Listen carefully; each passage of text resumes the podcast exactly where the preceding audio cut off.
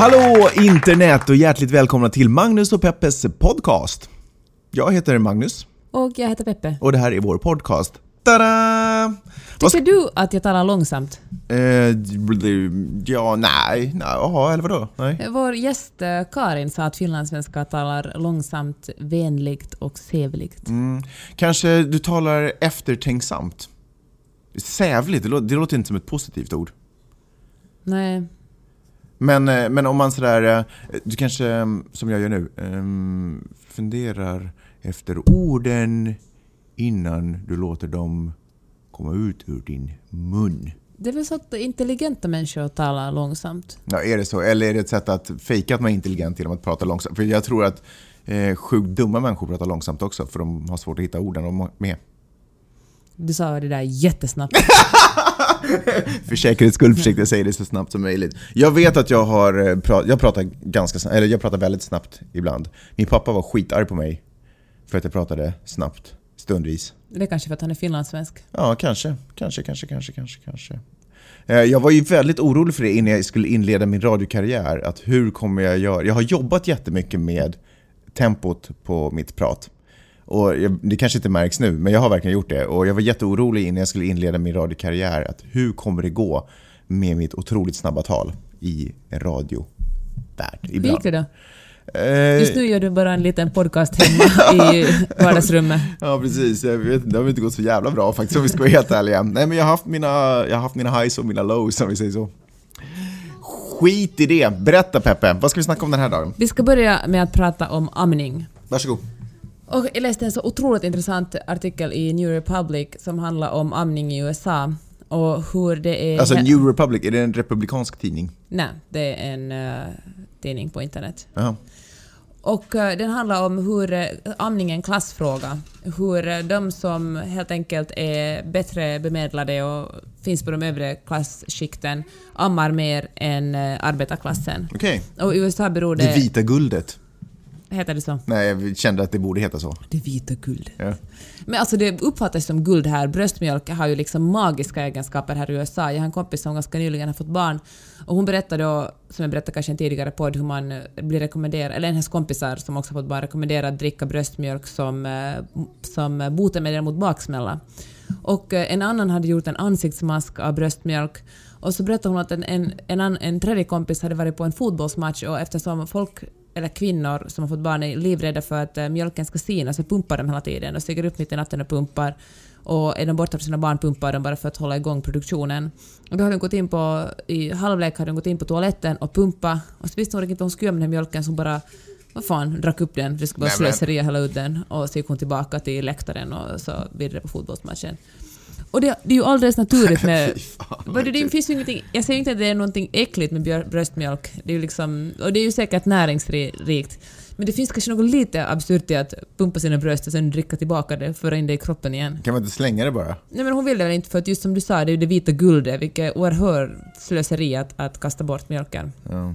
Anyway, en orsak till att en klassfråga är ju det att USA är det enda västerländska landet som inte har någon lagstadgad föräldraledighet. Så när eh, har man inte jättemycket pengar så måste man dra iväg på jobb bara några veckor efter att man har fött barn. Och eh, de som eh, måste gå tidigast på jobb är de som har minst pengar Ja, och då är det liksom arbetarklassen och, och så blir det automatiskt att de ammar mindre. Kommer du ihåg när vi var i Palm Springs en gång och så gick vi på ett café där på morgonen och skulle ha typ käka frukost eller vad det tusan det var.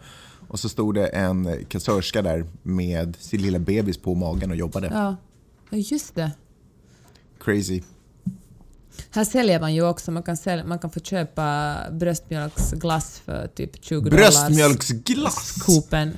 Och Nej, cookies. för vuxna eh, människor att äta? Ja, Nej, fy cookies gjorda av bröstmjölk för också 20 Nej dollar styck. sluta. Men, men det, är, ju- det här är liksom kuriosa, men det som jag verkligen tycker är intressant hur Men vad här- är det med folk och deras... Alltså, du vet det där också som du snackade om att din polare Frida som hade varit på mammakurs och där, fick, och där var hon... Där väckte hon uppståndelse för att hon inte hade ätit sin moderkaka. Vad är det för relation folk har till sina... Ja, men jag tycker, jag tycker man måste komma ihåg det, att det som är det som är konstigt för oss är det normala här. Liksom bara för det, jag tycker också det är superkonstigt, men jag tänker att här kanske man måste bara förstå Fan, att... de är ju att snedvridna alltså. Ja, kanske det är vi som är de konstiga. Anywho. Nej men det kan Men- det ju inte vara. Får jag nu säga att amning Ja. handlar så hemskt mycket om eh, man, man tror att det är en privat sak, men det handlar väldigt mycket om kvinnors kroppar. För att här, det nu är liksom rekommendationen att man ska amma och nu vill jag bara säga det finns ingen som säger att, och inte jag, att det ska vara dåligt att amma. Men det funkar också bra att ge ersättning. Men barnet kommer inte att dö av att dricka ersättning. Mm. Det, det blir smarta barn, hälsosamma barn.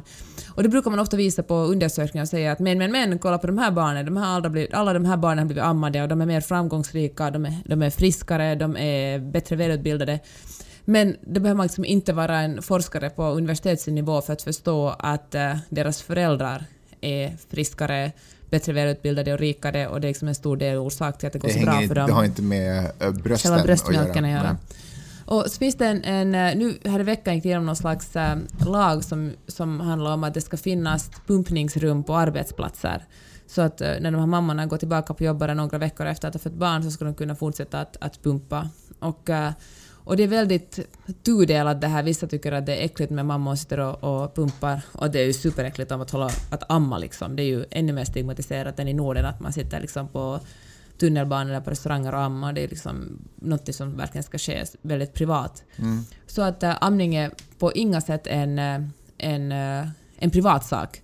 Plus att det finns en sån här moralisk aspekt också, att, att de som inte ammar är lite sämre mammor som har lite sämre koll på sina barn. Men att i praktiken handlar det ju ofta om att no, ibland kan man ju bara inte amma, det är liksom inget val.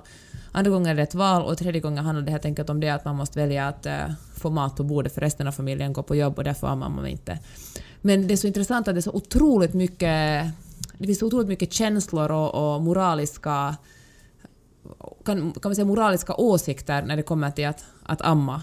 Och det är liksom, eh, man ska, man ska amma, men man ska amma i hemlighet, i smyg. Och eh, här ska man vara hemma jättelänge och amma, men har man inte råd med det så ska man... Är det, ser du något konspiratoriskt i det här? Är det här ett sätt att binda upp kvinnan? Ser du det så?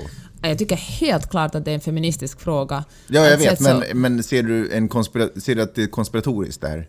Nej, det tror jag inte, men jag Är tror det bara en att... dum trend som har fått spin-off liksom? Ja, men nej, jag tycker det är ganska, spinn. ett ganska tydligt exempel på hur kvinnans kroppar alltid är politiska, hur de aldrig är privata, hur kvinnans kroppar angår alla. Det är liksom, Man behöver bara gå några hundra år tillbaka i tiden och då var det överklassen, det bästa för barnet var att bli ammad av en amma. Det var liksom, amning var en, en arbetarklassfråga och då gav liksom eh, de borgarkvinnorna iväg sina barn och lät någon annan amma dem. Och sen på 50-talet när, när bröstmjölksersättning introducerades, då var de som hade råd med bröstmjölksersättning, det var liksom ny teknologi och det bästa man kunde ge sitt barn. Och då var det också lite sunkigt att, att amma, det var liksom, de var lite fattigare, man hade inte råd att ge sina barn den här nya teknologin. Och nu har vi kommit tillbaka till det här att man ska ha råd att, att antingen stanna hemma och amma eller, eller sitta på jobbet och amma. Ha ett, ha ett jobb som är så pass eh, öppet och uh, liberalt att, att de accepterar att man sitter där och ammar. Så att... uh, Ja, jag tycker man måste alltid komma ihåg att det går också trender i hälsa. Vi tror alltid att vi är på dem, eh, att vi liksom har nått på något sätt teknologins kulmen och nu sitter vi på den ultimata informationen. Men uh, så är det kanske inte alltid. Plus att nu har jag talat jättemycket om hälsa och jag tycker inte att hälsa och amning, alltså barn som lever på ersättning kommer också att överleva och det kommer att gå riktigt bra för dem. Det är inte en så big deal. Tycker du att, am, eller vad säger inte amning, tycker du att jämställdheten har tagit ett steg tillbaka? Eller har jämställdheten gått för långt? Har jämställdheten gått för långt nu? Nej. Uh, alltså jag tror det rör sig så, det går så här pendelrörelser. Man tar eh, två steg framåt, ett steg tillbaka. Mm. Det är lite som Paul Abdul och Opposites Attract. Exakt. Vill du sjunga den? Nej, det vill jag inte faktiskt. Eh, intressant Peppe. Har du något mer du vill snacka om? Nej. Det känns som att du sitter och funderar på någonting. Nej, jag tänker på just amning, hur, vilket superbra exempel på det, hur kvinnors kroppar handlar om så mycket politik och om det ska vara en manskropp tror jag att eh, folk inte skulle lägga in lika mycket moral. Vad menar du när du säger att det är politik, amning? Det handlar om eh, så kvinnor, det har jag använt just som ett argument också för, vilket är som en bra sak, att, att kvinnor ska få, att man ska lagstadga föräldraledighet i USA eftersom det är så hälsosamt att amma och då är det bra att mammorna är hemma istället för att stressa fram och tillbaka, pumpa och frysa ner. Plus att man i början, speciellt man speciellt för, men för ett barn är man ganska skör liksom, att genast dra iväg till kontoret kan vara ganska omvälvande för alla inblandade. Och, eh, men också det här att, att det finns en massa moraliska åsikter om att, eh, vad som är bäst för barnet och liksom lite sådana ovanifrån åsikter du vet inte hur du ska ta hand om ditt barn på rätt sätt. Nu är vi här på i de, i de övre klasserna ska berätta för er hur man ska göra. Ni är, ni är dåliga, vi är bra. Och, och eh, ja, Är det det som, betyder, är det, det som betyder att eh, kvinnokroppen alltid blir politik? Ja, det är samma sak som med abort. Det handlar ju också väldigt mycket om politik. Vem, ska, vem bestämmer egentligen över kv- kvinnokroppen? Är det staten, är det moralen eller är det kvinnan själv? Mm. Interesting. Men kommer du på ett motsvarande exempel som Nej. berör män? Nej, eller nej. Jag ska Ska vi omskära era penisar? Är det en debatt? Nej, inte, inte på politisk nivå i alla fall. Nej. Jag kommer inte på någonting faktiskt. Nej. Faktiskt. Ja, okej. Har du någonting annat du vill snacka om? Ja, vi kan ta dina grejer emellan. Mm, Okej, jag tänkte att vi skulle snacka om eh, en kvinna som heter Denise Rudberg, som är Mm. en författarinna. Eh, Hon gjorde en intervju, det här, läs, det här hörde jag faktiskt i Blanken Svabergs podcast. Eh, Hon gjorde en intervju där hon i, jag vet inte, hon nämnde att hon cyklar som en galning. Och när journalisten frågade sig, men varför slutar du inte cykla som en galning? Så var hon sådär, nej men jag är för gammal för att ändra på mig. Men vänta lite, alltså vad du cyklar som en galning, betyder det att hon cyklar supermycket? Att hon är besatt av att cykla? Nej, eller nej, att nej, hon hon, cyklar- eh, hon är fara för trafiken. högt och har ingen hjälm och Ja, cyklar hon är utan händer och... Hon är fara för sina medtrafikanter Okej. liksom. Eh, men poängen var egentligen att hon sådär, eh, när han frågade, eller när journalisten, hen, frågade henne eh, varför en, du inte ändrar på dig, varför hon inte ändrar på sig, eller ändrar sitt beteende, så var hon sådär, "Ja, men, äh, jag är för gammal för att hålla på jag är så här, så här är jag och nu orkar inte jag hålla på att ändra på mig. Och det där är ju inte första gången som jag tycker att jag hör den här attityden, men jag tycker det är så intressant. När blir man för gammal för att ändra sig? Min pappa sa det för inte så hemskt länge sedan. Men sedan han är ordentligt över 60. Mm. Han sa att han är för gammal för att ändra på sig. Hur gammal är eh, Denise då? Eh, ja, men hon är väl typ 42, någonting sånt. Men, men vadå, alltså, eh, han är för, för gammal för att ändra sig till... ehm, Till det bättre? till... Eh, för vems skull? Alltså för att han inte orkar eller för gammal för, för att det inte... För att det ändå inte... Eller varför? Eller liksom, jag förstår inte. Jag förstår Jag, inte vad det betyder. ingen, jag tror att tycker att när man säger så har man gett upp. Då är Mm. man sådär, livet kommer ändå att vara slut snart så det finns liksom ingenting, det går inte att förbättra mig. Ja, Jag, liksom, jag är den jag är och jag orkar inte kämpa längre. nej. Det är ju en ganska sorglig livsinställning. Ja, men samtidigt så kan jag förstå det. Jag, till exempel så är det ju väldigt lätt att fastna i sin gamla musikstil som man hade när man var yngre och sådana saker. Men tror du, att, tror du, precis som jag, att det här handlar om att ju äldre man blir, desto närmare så ser man också det oundvikliga, nämligen att man inte kommer finnas. Och att inte förändras är ett sätt att på något sätt försöka bromsa tiden för sig själv. Mm, intressant. Att, att, det vill säga att vägra förändras. Att hålla kvar vid eh, nyuppfunna traditioner som man har haft, eller du vet, eller gamla traditioner på något sätt. Att det är ett sätt att lite bromsa Fast framfart. i praktiken är det ju precis tvärtom. Mm. Att förändras man lever man ju längre, då lever man ju mer och man försöker förbättras. Ja, man lever liksom- inte längre med mer, ja precis. Ja. Ja, men det kanske kan kännas som att man, som att man lever längre. Mm. Men du vet ju när det, när det är roligt och när det går framåt, vad är det som går som snabbast då? Tiden. Ja. Men om man bara håller fast vid det gamla så Ja, går så det då långsamt. segar det ut det liksom. Men tror du det? Jag tror inte För man då, tänker så, men det blir ju en effekt av det. Ja, men då har man åtminstone roligt fram till döden. behöver man inte sitta och Ja. Ha det, vara nostalgisk fram till döden. Men det känns ju inte så tröstande. Nej. Ah, fan, jag hoppas... Man, alltså jag, jag hoppas att vi alla skulle vara som Madonna. Bara göra om, göra om, göra om. Mm. Vilket är också spännande. Kommer du ihåg att vi hade Madonna-fight förresten här i podcasten? Ja. Men eh, hon blir ju också hånad för att förändras hela tiden. Hon Mm. är sådär med gamla tanten, kom igen nu. Håll dig fast vid eh, like a virgin, liksom. Ja, Nej men det var ett det är exempel. omöjligt med någon som säger det. Nej, det hittade jag på själv. Jag sa det. Ja. Men folk, folk blir superprovocerade av att hon är så pass gammal men ändå förändras hela tiden. Mm. Jag tycker det är otroligt bra. Fy fan vad coolt. Sån vill man ju själv vara istället för att säga det låter som en gammal sur gubbe som att, att säga sådär, nu beskriver jag inte bara min pappa, men att säga sådär, jag är nu sån här, ni andra får acceptera, ni andra får acceptera det. Mm. Jag tycker personligen så tycker jag att det är ju superläskigt och, och stundvis otroligt svårt att, eh, att förändras. Eh, och just, men eh, ja, jag vet inte, jag kanske inte förändras supermycket på alla, alla punkter, men jag tycker att det är också så otroligt fint.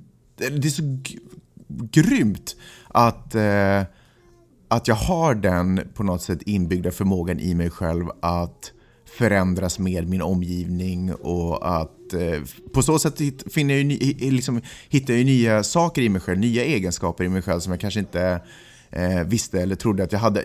Alltså helt ärligt, jag tror att jag var drygt 30 år när jag förstod att jag kunde vinna. Alltså det... Jag, Vad menar du? Eh, när, jag lev, när, jag gick i, eh, när jag gick i grundskolan, som var en, liksom en tid som, som eh, där grunden, liksom som, eh, vänta, ska jag säga det här nu. Eh, när jag gick i grundskolan så, um, så, okay, så, jag, okay, så jag var inte en av de tuffaste killarna i klassen utan det fanns ju massa coola killar som kunde spela fotboll, som kunde teckna. Du vet vad som kunde, som kunde göra saker som var populärt. Som var bra att kunna för att man skulle ha en hög status i klassen. Eh, och, eh, och de var ju de som, du vet, de spelade fotboll, så de eh, satte straffarna och du vet, för de, de hade på något sätt, de hade redan lärt sig att vinna. För det som händer är, om man vinner är att man får ju spotlighten på sig. Man blir ju uppmärksammad. Eh, folk vill eh, dels hylla dig och sen vill folk skjuta ner dig. Det blir ju väldigt mycket fokus på dig, så det är på sätt och vis skrämmande att vara den som ställer sig upp och tar pokalen. För du blir ju måltavla för allt, allt möjligt. Så det är mycket lättare att inte vara den personen som vill sätta straffen eller, eller inte göra den där extra framåtpushningen så att man kommer åt bollen och blir, helt plötsligt blir ensam med målvakten och gör det här avgörande. Eh, så, så jag valde alltid den vägen. Om, om jag till exempel, jag tycker att det är ganska, just underligt nog, väldigt lite i mitt liv kretsar kring sport, men just det här handlar faktiskt om sport. Eh, I de flesta fall, till exempel om jag var på en fotbollsplan i klassen och det var någon klassmatch och liknande, så valde jag hellre att låtsas snubbla och ramla, liksom, än att avsluta det jag Var förväntade du rädd för att vinna? jag var liksom inte... Det är svårt att förklara. Det, det var egentligen var det aldrig på min världskarta att jag skulle vara en av dem som vann. Det var inte det att jag var rädd för det, det var inte på min, Att vinna var någon annans jobb. Jag kunde... Jag såg, eh, eller jag inbillade mig att jag såg en heder i att lägga upp det för dem och rensa vägen för de andra. Och, och, men sen fick någon annan göra det, det, liksom det vinnande draget på något sätt. Var det när du träffade mig som du förstod att också du kan bli en vinnare? Eh, Ja. Nej, nu när jag sa över 30, jag vet inte, det kanske ändå skedde tidigare. Men, men eh, det jag kan säga är att den förändringen skedde i och med att jag till exempel bytte miljö. Jag tror att det snarare började inträffa när jag kom till Finland. Eh, men att, pointen är att förändringen skedde när jag tillät mig att förändras och lära mig nya saker. Jag menar, jag hade ju lätt kunnat säga äh, att jag är för gammal för att förändra mig. Det här, det här med att stå på scen, det får vara någon annans, annan persons grej. Det, det är inte min sak. Sådär. Men man hittar ju nya sak, egenskaper i sig själv genom att göra det. Det är otroligt utvecklande och det har bara gett mig så otroligt mycket. Och bara en sån här liten sak som att jag cyklar som en galning och jag vet att jag är en fara för trafiken, bara det är ju naturligtvis ett argument till att förändra sig själv. Men om man bara tillåter sig själv att, äh, vad fan, jag förändrar mitt beteende. Så börjar det hända massa andra saker. Det blir en kedjereaktion av massa andra saker som också börjar förändras då. Men Eh, finns det inte en liten para- pa- paradox där att säga att jag vill hålla kvar, jag vill leva länge så jag vill hålla kvar vid det som var ja, förut. Ja, men precis. Medan man är ju Jaha. aldrig så gammal som när man vägrar Mm. förändras. Då är man ju verkligen... Men det var å andra sidan kanske exakt det Denise Rudberg sa, att hon är gammal nu. Ja. Alltså, ja, men precis. För mig, är, eh, för mig är att leva är att på något sätt hela tiden vara i rörelse. När, det- när jag slutar röra mig, då slutar jag lite också leva. Ehm, Det handlar om att förändras, för världen är i konstant förändring. Ingenting är som det var nyss, som det är nu. Nu är inte som det var nu. Nu, eller det var inte som, du förstår. Du får en galen blick när du säger det där.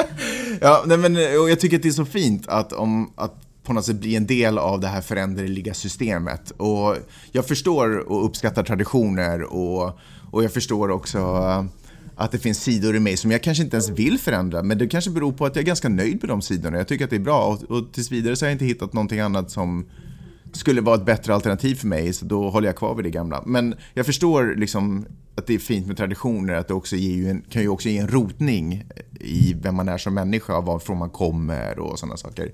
Men jag tycker att förändring är, fan, det, that's the shit, det är så jäkla, det är så, det är så grymt. Fast vänta, det är ju olika saker. Man kan ju komma ihåg ställen man kommer ifrån och uppskatta Mm. traditioner men ändå välja att liksom agera på ett nytt sätt.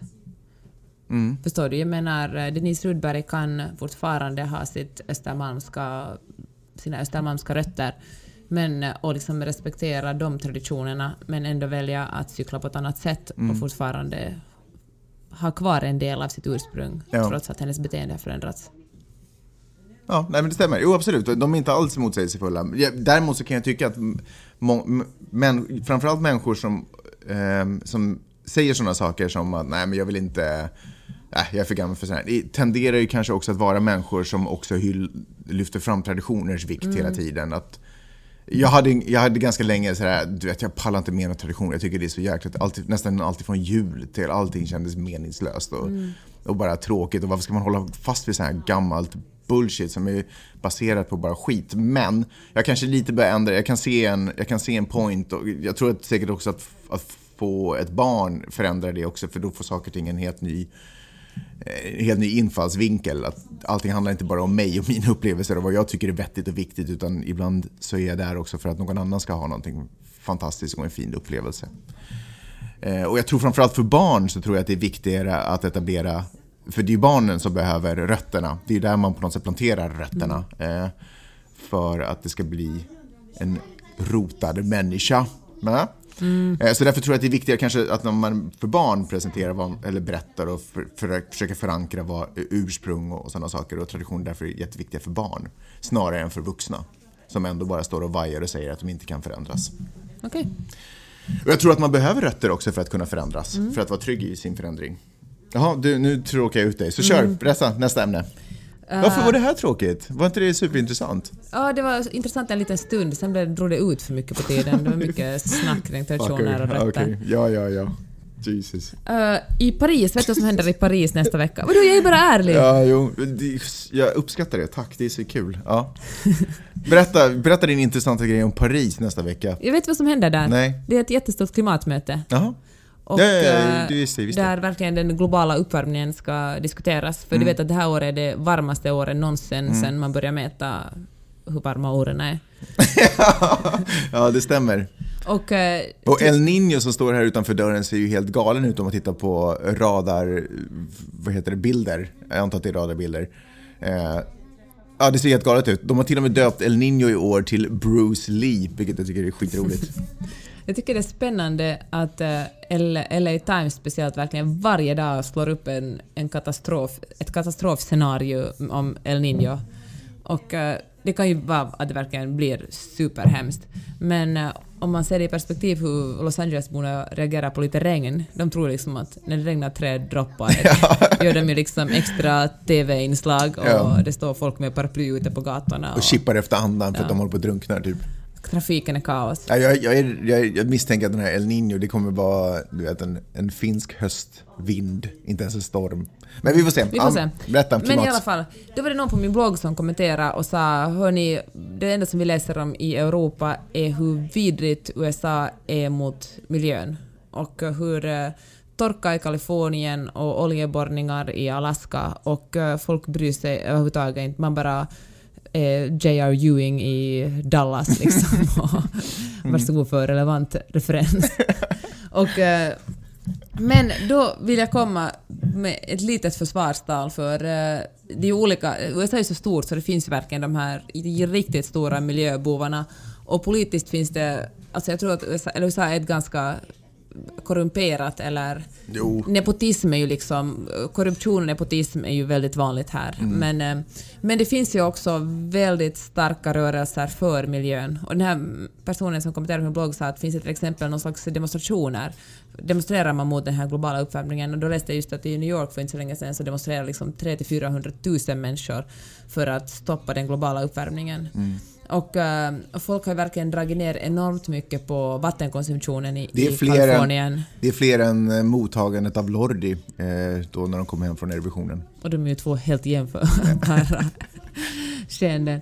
Men, men du, ja, folk liksom, här i Kalifornien så hade ju plast, eh, plastpåsar har ju länge, sedan länge blivit förbjudna. Man använder ju bara papperspåsar som dessutom är så här ekologiska papperspåsar. Och man, folk kör elbilar och uh, sparar I och för sig. Teslor och inte folk. Men eh, fair enough. Nej, men det finns ju också andra elbilar. Det finns Ja. en massa Fiat småbilar. Mm. Och vi kör ju omkring med en liten en gammal Nissan som säkert... Men, de- men okej, men också gamla bilar, de är supernoga med smogtester. Ja. Man måste verkligen testa hur mycket utsläpp bilen gör. Och så vidare, så vidare. Jag har redan under vår tid här gjort två smogtest. Så jag menar att det finns, att USA är en stor bov, men Obama har ju också gjort sitt. Han har ju förbjudit fracking i New York till exempel. Det är ju katastrofalt. Vet du vad fracking är? Nej. Det är när man ska borra olja men så spränger man långt nere i eh, marken. Vilket har visat sig att, jag tror det är Ohio eller i någon stat så har det lett till att det är en jordbävning varje dag där nu för tiden. Husen håller på att rasa sönder på grund av fracking för att man spränger långt nere i bergen vilket i sin tur leder till en jordbävning vilket leder till att husen skakar sönder. Och det är ju, det är ju inte så bra. Nej, inte för de som bor där. Nej. Men eh, så nu, nu är Köpenhamn nästa vecka. Parentesfråga, är det bättre att bo högt upp i ett hus eller lågt ner i ett hus när, när det är jordbävning? Jag vet inte. Jag tror det är bra att bo på berggrund. Bättre än att bo inte- på sand som vi gör här i Santa Monica. För, vad är det för politiker? Det var inte alls svar. Du svarade på en helt annan fråga. Ja, det är för att jag inte kunde svara på din fråga. Okej, ja, tillbaks till fracking och dess effekter. Nej, jag menar Nej. bara att, att då har Obama förbjudit det och så var det någon slags jätte, någon slags stort pipeline, någon slags rör? Mm. Vad heter det? Ja, rör. Som uh, Keystone och sånt som de inte fick bygga heller för att det skulle dra upp så mycket naturområden skulle bli påverkade av det. Oj, vad jag ser att du vet vad du pratar om nu. Men okej. Jag viftar extra mycket med händerna för att kompensera. Anyway, USA är ett sunkigt land på många sätt, men eh, det finns jätte, jättestarka rörelser som vill, miljörörelser som vill se till att folk... Eh, att helt enkelt att, att den globala temperaturen inte stiger mer än den har gjort. Fast historiskt har ju USA varit proffs på att inte skriva på miljöavtal i, på sådana här globala stora möten därför att de är så himla måna om att hålla kvar sina rättigheter att borra och kriga i världen för olja.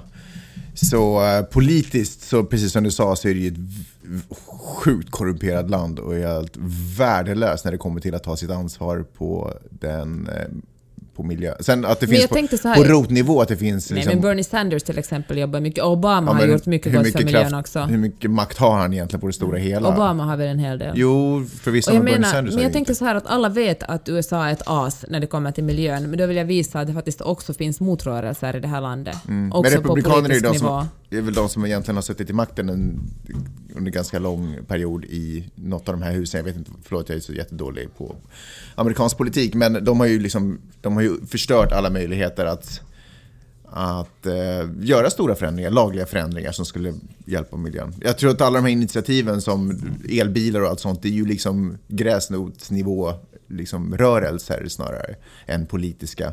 I och för sig, faktum är att den, de, elbilar har någon form av subventioner. Eh, Och det är folk störda på nu, för nu sitter Elon Musk och gör miljarder, eller miljoner på sina Teslor typ, med dessutom understöd. Det är konstigt det där. Understöd för att lyfta fram nya företag, men sen när företagen går bra, blir folk skitsura för att de får understöd. Intressant. Vad, vad tänker du mer på det här? Nej, jag tänkte att... eh, Jag, tänkte, jag- alltså jag vill bara påminna folk om att eh, det finns... Att USA, USA är liksom så jävla stort att det finns liksom både och Mm. här. Allt man säger om USA är garanterat rätt. Och, sant. Och fel. Och, och, och fel samtidigt, ja precis. Ja, ja det stämmer. Okej, det var ungefär vad Det är, det är lite som med vårt förhållande. Det rymmer mycket... Äh, skit, vi skiter i det där. Ehm, nya jobb. Vad ska du bli när du blir stor, Peppe? Åtminstone inte journalist. Jag kände att det var nog ett jäkligt dåligt val att vilja, val att uh, vilja försörja sig på att skriva. Jag ska kolla här på den här listan om jag ser journalist någonstans. Eh, samhällsvetare, det är väl Det är jag. Det är lite journalist. Ja, du är ju faktiskt det egentligen. Jag ser faktiskt Ja, kommunikatör såg jag där. Men det är väl inte Vad är det för lista du snackar om? Okej, så jag sitter här och kollar på en lista som Saco har presenterat. Eh, för, ja, jag, såg, jag, såg, jag såg en artikel om det här för fyra dagar sedan ungefär. Jag vet inte hur gammal rapporten är. Eh, och de har, de har gjort en prognos på vilka jobb som trendar år 2020. Eller det vill säga hur, hur arbetsmarknaden kommer se ut för olika branscher och olika, eh, olika jobb och sådär. Och eh, de jobb som inte som det inte kommer råda så hög, okej så här, liten konkurrens, eh, äh, de jobben det kommer råda låg konkurrens kring, om, på, av, för, är bland annat arkitekt, datavetare, lärare, eh, nu står det F3, ja, förskola till tredje klass och fjärde klass till sjätte klass. Eh, matematiker och statistiker eh, och eh, till exempel tandhygienist.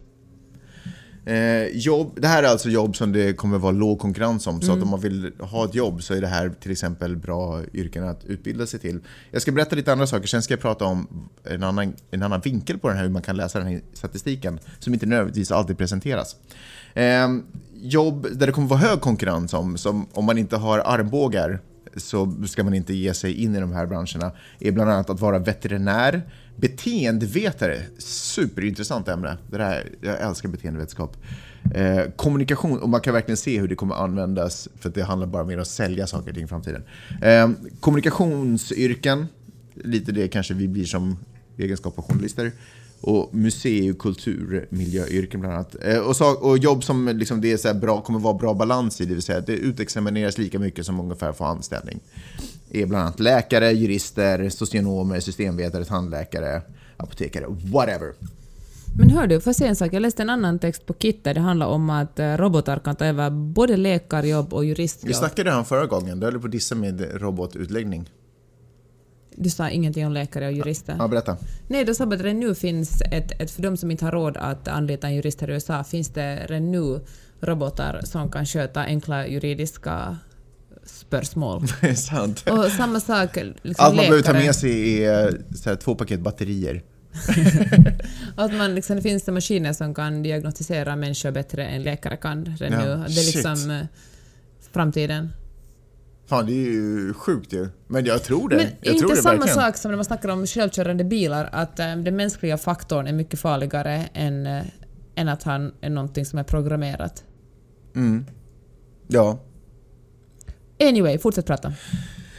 Um, jo, och då tänker man så här när man ser en sån här rapport, bara åh shit, superbra. Speciellt om man står i eh, faggorna att välja utbildning och ska hoppa in på någon skola och sådär. Då tänker man, att det här är ju toppen! Nu, nu ska jag ta tag och bli eh, ehm, en arkitekt, till exempel. För det verkar ju som att det kommer finnas supermycket yrken. Ett annat sätt att läsa den här informationen är ju att det här kan vara yrken som är på väg att bli lågstatusarbeten. Mhm. Eh, det vill säga lönerna sänks och därför så kommer det inte vara lika stor konkurrens om de här arbetena därför att folk helt enkelt inte söker sig till de här arbetena. Eh, så ha det, i- jag ville bara slänga ut lite varningens ord där, ha det i åtanke att, att eh, det här som eh, att bli matematiker och kemist och djurskötare, datavetare, audionom, vad, det, vad är audionom? Låter ljud låter ljudligt. Och arkitekt, att det kan vara helt enkelt arbeten som bara ja, kanske robotar gör bättre. Kanske. Inte X omskolar sig till arkitekt. Ja, det var ju kul för honom att inte året är 2020 ännu, för det är först då det här kommer träda i kraft. Då bomben smäller. Ja. Så eh, i den här artikeln som jag läste, jag vet inte tusan var jag hittade den någonstans, men det är ganska irrelevant, så var det naturligtvis en typ en syokonsulent, syokonsulent, Konsulent. syokonsulent som de hade intervjuat. Och rådet som ges är att välja jobb efter intresse. Och det väcker ju en annan tanke i mig. Det är ju bara i, liksom, i ett rikt land där välfärden är som den är, liksom, mm, enorm, liksom, som man kan få rådet att välja det som känns bäst i ditt hjärta. Det är ju bara 2015 2016 som man kan ge ett sånt råd när det kommer till att söka jobb. Men är det fortfarande fel? Är det inte liksom ditåt vi har strävat efter i mänskligheten? Att, är det inte därför våra generationer innan har dött och plågats i krig och, och kämpat för rättvisa för alla för att deras efterkommande en vacker dag ska kunna stå uppe på eh, Mariatorget och bestämma sig för att jag ska jobba med det jag ska jobba med kultur och media. jag ska jobba med det jag tycker om. Jag ska bli programledare. Jag ska bli programledare för att jag tycker om det. Jag tycker om när alla älskar mig. Ja. Vad säger du till det? Jag säger att jag kan känna igen mig i det där, för att jag gjorde ju fel först. Jag pluggade ju statsvetenskap och uh, tog en examen i det. Ja, fast felsmäll. Tänk så mycket nytta du har haft av det ändå. Jag har jag haft nytta. Jag menar det, men att man jobbar ju liksom på utrikesministeriet och riksdagen och på såna här liksom seriösa ställen där man helst skulle ha kostym i, inte riktigt tio år, men under en lång tid. Och det kändes liksom lite fel hela tiden. Och sen en dag blev jag journalist Mm. och det kändes som att komma hem till en mjuk famn. Ja. Nu är jag visserligen fattigare och på gränsen till arbetslös, men Men är vi bortskämda som, kan sitta och funde- som sitter och funderar ur den, ur den vinkeln? Att, så, här, vad, vad tycker jag om att göra? Och dessutom är lite sura för att studiebidraget sänks när vi den, sen väl har valt att... fast det är vi kanske inte ändå. Eller? Vad är vi inte? Sura över att studiebidraget sänks. Ja, men jag har väl hört att eh, men så där, folk är lite missnöjda med Mm. att det dras åt. Uh, det är man ju alltid vet givetvis, man alltså jag, jag ser att det är ett superprivilegierat problem att, att välja efter hjärtat, men så tänker jag att fan, livet är kort liksom. Om man klarar sig på något sätt och är lite fattigare men kanske lyckligare så är det ju ändå värt än att gå till ett jobb som ger en grav söndagsångest varje jävla vecka. Mm. Och man kanske tjänar supermycket pengar men man måste jobba så mycket som man knappt ser sin familj. Så då är det ju softare att vara göra någonting som man tycker om och få lite mindre betalt. Men som sagt, jag inser ju att det här är verkligen ett eh, väldigt vitt privilegierat övre medelklassproblem. Eller val snarare. Hur mycket pengar ska jag tjäna i relation till hur lycklig ska jag vara på jobbet? Mm. Om ni vill läsa den här rapporten så kan ni gå in på saco.se. Saco är alltså Sveriges Akademikers centralorganisation. eh, Så de har gjort den här undersökningen. Naturligtvis för att akademiker ska veta vad de ska akademika sig åt. Vilket håll. Du, det var allt jag hade att bjuda på. Jag har en liten grej till. Hit me. Vi har ju talat lite i den här podcasten om hur besatta amerikaner är av socker. Hur allt de... eh, de eller de säger sugar free, men det är alltid någon annan sorts eh, corn syrup eller någonting som de blandar i sina produkter för det är billigt och Contains no white sugar typ Ja. och så har de alla annan form av socker Och att allt är non-fat, det är liksom det största argumentet att köpa en produkt är non-fat. Och det känns ju otroligt gammaldags om man kommer från till exempel Norden. Men nu läste jag en, Den verkliga världen även kallad. Eller the old country. Och nu läste jag en text på, på webbsajten Vox där det var en snubbe som, det var en sån journalistik som när man gör någonting, testar någonting själv och han ville gå ner i vikt så han hade testat att bara äta fett och lämna bort eh, kolhydrater och hade gått ner jättemycket i vikt. Och det här, liksom, det här är en text som jag efter, att ha läst den på Det alltså ett Atkins. ställe... Ja men precis. Ja. Hade sett det på en massa olika ställen. Folk är sådär “What?” Man blir alltså tjock av socker, inte av fett. Mm. Och, eh, och det är intressant för att hur revolutionerande det är just nu här i USA för att eh, allt är ju... Alltså fett har varit döden Mm. medan man har inte snackat så mycket om socker. Får jag också bara flika in att äta fett och sånt också är nog ett sätt att ta livet av sig själv. Att inte, man kanske går ner i vikt men det är en otrolig belastning på hjärtat. Och miljön. Mm. Ja okej, fair enough det också. Ja. Men jag tänker, det känns bara så, så... För den här revolutionen diskuterar man ju för ganska många år sedan i Sverige och Finland. Och nu börjar den liksom koko titta fram i, i USA. Fast vad då? Jennifer Aniston var ju en av de här frontfigurerna för Atkins typ på 90-talet. Hon eh, gjorde ju sig superslim och, och superhot med att bara äta en, ja gå på Atkins diet liksom. Men kan det ha varit lite nisch eller hade, har sockret kommit tillbaka då? För det är liksom jättesvårt att, gå i en, att hitta någonting som har fett i sig i mataffärerna. Mm, nej, fan jag vet inte. Grejen är att det, det är så, hela den här, liksom, amerikaner gör ju ingenting av egen vilja. Det är ju bara liksom ett resultat, deras köpvanor och alltihop är bara resultat av lobbyisters liksom, arbete känns det som. Ja, Så- men inte gör ju någon av oss någonting av egen vilja liksom. Nej men jag vet, men, sådär, men socker och köttindustrin känns ju som två av de starkaste, och säkert tobaksindustrin också, och säkert några vapenindustrin. Men anyways, socker och köttindustrin, liksom, de jobbar, ju- inte mot varandra, de bara sitter och brädar ut sitt, så det det är katastrof liksom. Så jag tror inte, Ja. bara för att det, liksom, det har varit på taket igen, det, jag tror inte att amerikan, gen, den vanliga amerikanen ser så här, jaha, nu ska vi äta kött, jaha, det är du vet, inte socker, jaha. Jag tror inte folk, liksom, folk funderar inte på vad det är för någonting egentligen, de bara stoppar i sig det de blir tillsagda liksom, att Fast äta. folk vill ju nog gärna gå ner i vikt. Ja, och det är men- fan drömmen att få, istället för att gå på liksom lightprodukter. du, helt seriöst, jag tror inte att folk vill gå ner i vikt. Folk vill leva, folk säger att de vill gå ner i vikt och folk säger att de vill uppnå the American dream. Folk säger att de vill eh, göra ditten och datten men folks beteende tyder ju på att de ändå inte vill. Jag tror att om man på riktigt vill någonting så gör man det om man inte du vet, lider av en sjukdom som gör det omöjligt för en att göra det. typ.